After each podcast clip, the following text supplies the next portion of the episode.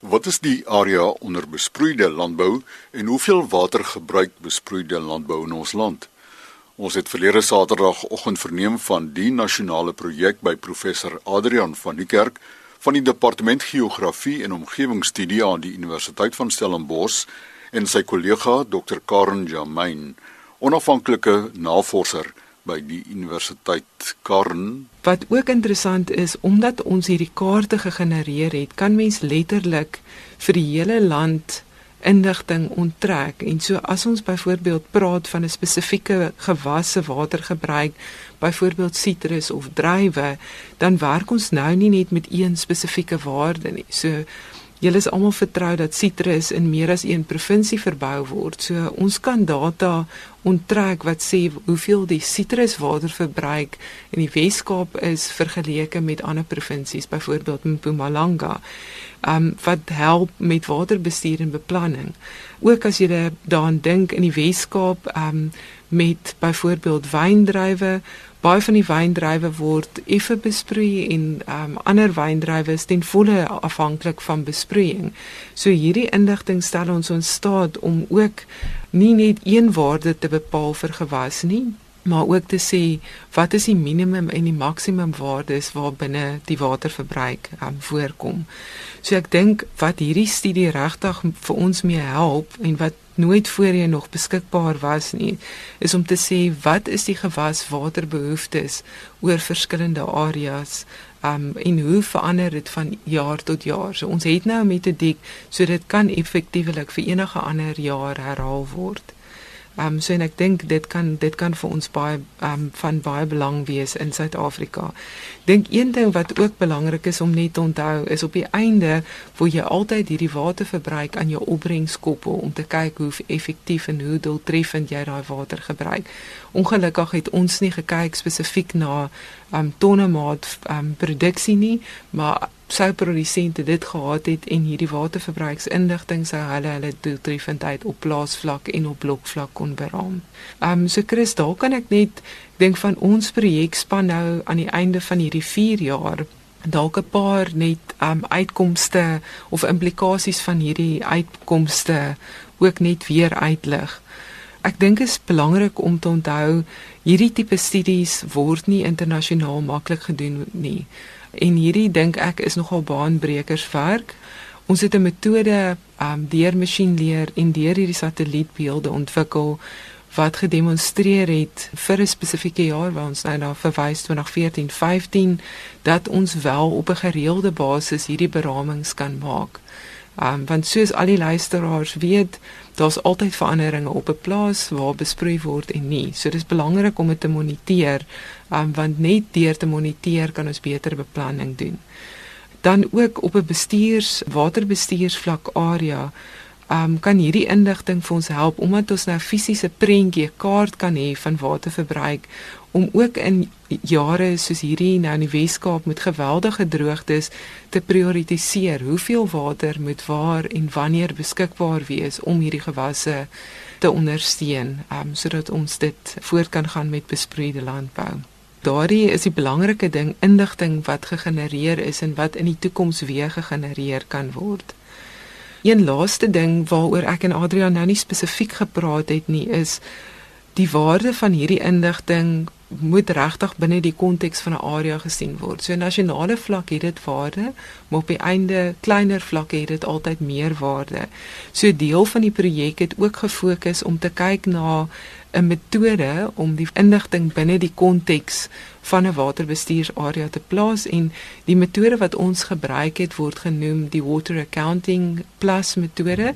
So dit is letterlik 'n boekhoudingsstelsel van water. Daar's soveel um, water van van stroomvloei, soveel van grondwater, um, waterverbruik en dan sal uitvloeie, daar moet water beskikbaar wees vir al die industrie. En so jy kan al hierdie berekeninge in hierdie um, verskillende boekhoudingsmetodes ook na kyk en dan kan jy die vraag begin beantwoord is daar water beskikbaar vir verdere ontwikkeling al dan nie so daai is daai is belangrik om dit um, om dit te sê dat dit nog verder gevat kan word ons het 'n paar waterverbruiksareas gebruik waar ons dit geëvalueer het. Ons gekyk na byvoorbeeld die brede, die krokodil, Letaba.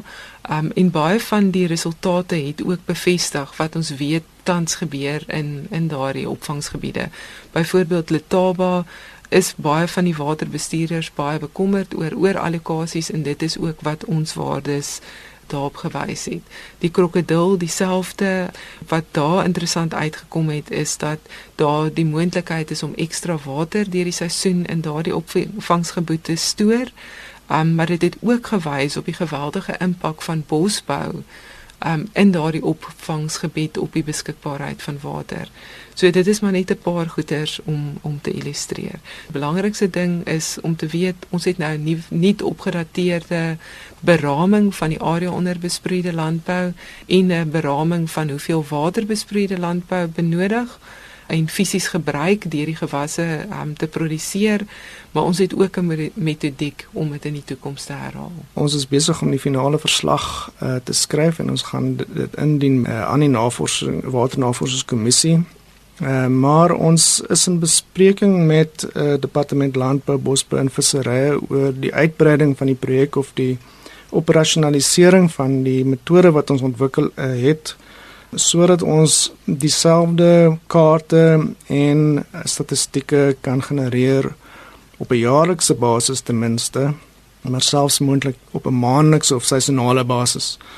Want ek dink dit is die waarde uh, van die studie. Uh, ons het nou wel 'n benchmark om te sê dat in 2014-15 is dit die situasie of die status van besproeide landbou. Maar ek dink dit is belangrik om ook te monitor intyds wat die area onder besproeide landbou is en ook hoeveel water daarvoor gebruik word sodat ons dit kan gebruik vir besluitnemingsdoeleindes. Ons hoop om die studie uit te brei oor tyd. Dr.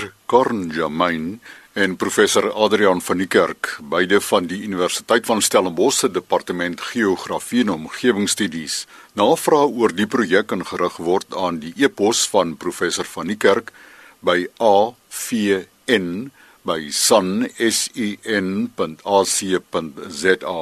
Christian Harmse, wydingkundige op die Eiland Navorsingsstasie van die Noord-Kaapse Departement van Landbou, is een van professor van die Kerk se PhD studente. Omdat ons in die Noord-Kaap provinsie werk wat die grootste provinsie in Suid-Afrika is, en ehm um, oor verskeie plantegroei tipe strek van savanne na Namakoro, sukkulente en selfs bietjie fynbos en dan het ons winter en somer reënvolgebiedens. Moet ons monitor en verifieer afstandswaarnemingsdata en klimaattoestande reg oor die provinsie.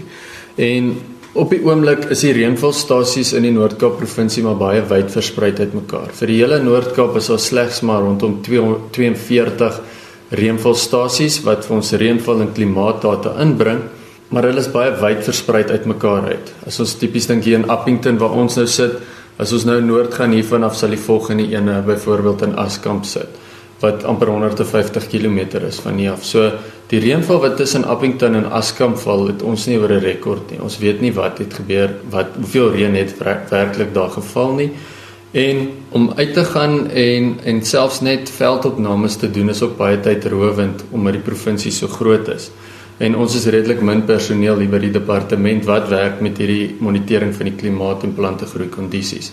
Wat ons toe besluit het is om terug te gaan na die verwysingsplaas projek wat wat in die verlede ook reeds suksesvol ingespan was toe die droogtekomitees in elke distrik daarvan gebruik gemaak het wat hulle gedoen het, hoekom hulle verwysingsplase gebruik het was want dit het dan gedien as bewys dat hulle fisiese bewyse van 'n uh, swak weidingstoestande in daai spesifieke area is, is as gevolg van die klimaatstoestande en weerstoestande en nie as gevolg van oorbeweiding nie. Wat ek dan hiermee doen is ek het 'n Excel dokument wat ek opgestel het. En wat ek dan doen aan die einde van elke maand stuur ek hom vir die boer. Ek vra vir die boer om net sy reënval vir ons op te teken in hierdie dokument. Ek stuur dit oor e-pos. Hy vul net in daai dag het hy soveel millimeter aangeteken. Daarby ehm um, vra ons vir hom om inligting te gee oor sekere indikator spesies in daai spesifieke area. Byvoorbeeld as dit die Karoo is, sal dit nou sê kapokbos wees of die Ganna of die Kriedoring. Dan moet hy net vir ons inligting stuur is die plant op daai oomblik blom hy gooi sy blare af draai dalk miskien sade of is in 'n dormante stadium. Wat hy maklik net met 'n kruisie maak na langs die naam van die van die plant en dan kan hy ander inligting vir ons aanstuur soos is daar was 'n haal deur dit was al miskien 'n veldbrand op sy plaas gewees. Ehm um, het hy dalk reismure of springkane wat daar deur is, kan hy net 'n kort nota ook daarby maak vir ons aanstuur. En dan wat ons ook vir hom vra is is 'n veeregister. So ek het 'n in die Excel dokumente lekker vir om dit te vergemaklik vir die boer 'n tabel opgestel wat hy net sê hy het soveel ramme vleiskape, soveel ooe en dan doen die rekenaarprogram outomatiese oorskakeling na groot vee eenheid toe.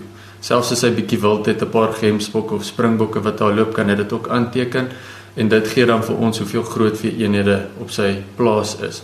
En wat ons dan doen is ons kan hierdie tipe data gebruik om ons satellietdata, die plantegroei kondisies te monitor. Ons het dit al baie gesien in die verlede wat ons in in die Karoo se voorbeeld kan gebruik. Eendag in Mei maand sien ons die jaar is baie goeie kondisies. Dit was uh, baie bo gemiddelde kondisies in vergelyking plantegroei kondisies vir die 20 vorige 20 jaar. En toe die volgende jaar Mei maand, die ewe skielik dis dit baie ver onder gemiddeld. En ons was baie onseker oor hoekom sal dit so drastiese verandering van van bo gemiddeld na dadelik onder gemiddeld toe gaan. Eerste wat ons na gekyk het was die satelliete. Daar was nie lank voor dit nie was daar 'n nuwe satelliet wat opgegaan het. So ons het dadelik begin dink hoe dit is ons uh, effektiewe data wat ons skryf van die satelliet af. Toe gaan ons eers na ons verwysingsplase toe in daai streek. Ons gaan sit met hulle met die kaarte sê vir hier's wat die data en die inligting wat ons het wat kan veroorsaak dat ons hierdie drastiese ehm um, verandering het van bo gemiddeld ewe skielik na onder gemiddeld. Toe sê hulle vir ons dit is as gevolg van vroeë ryp wat nie normaalweg daai tyd van die jaar kom so vroeg nie. Het het daai groot invloed gehad op op ons plantegroei kondisie beelde wat ons van die satelliet afkry. So dit wys ons hoe belangrik is die verwysingsplase vir ons om hierdie tipe inligting te kan verstaan. Weidingkundige in die Noord-Kaapse Departement van Landbou, Christian Harmse, oor die waarde van die verwysingsplaasprojek in die omgewing. Christian se e-pos is cjj.harmse@gmail.com. cjj.harmse@gmail.com. Beste wense.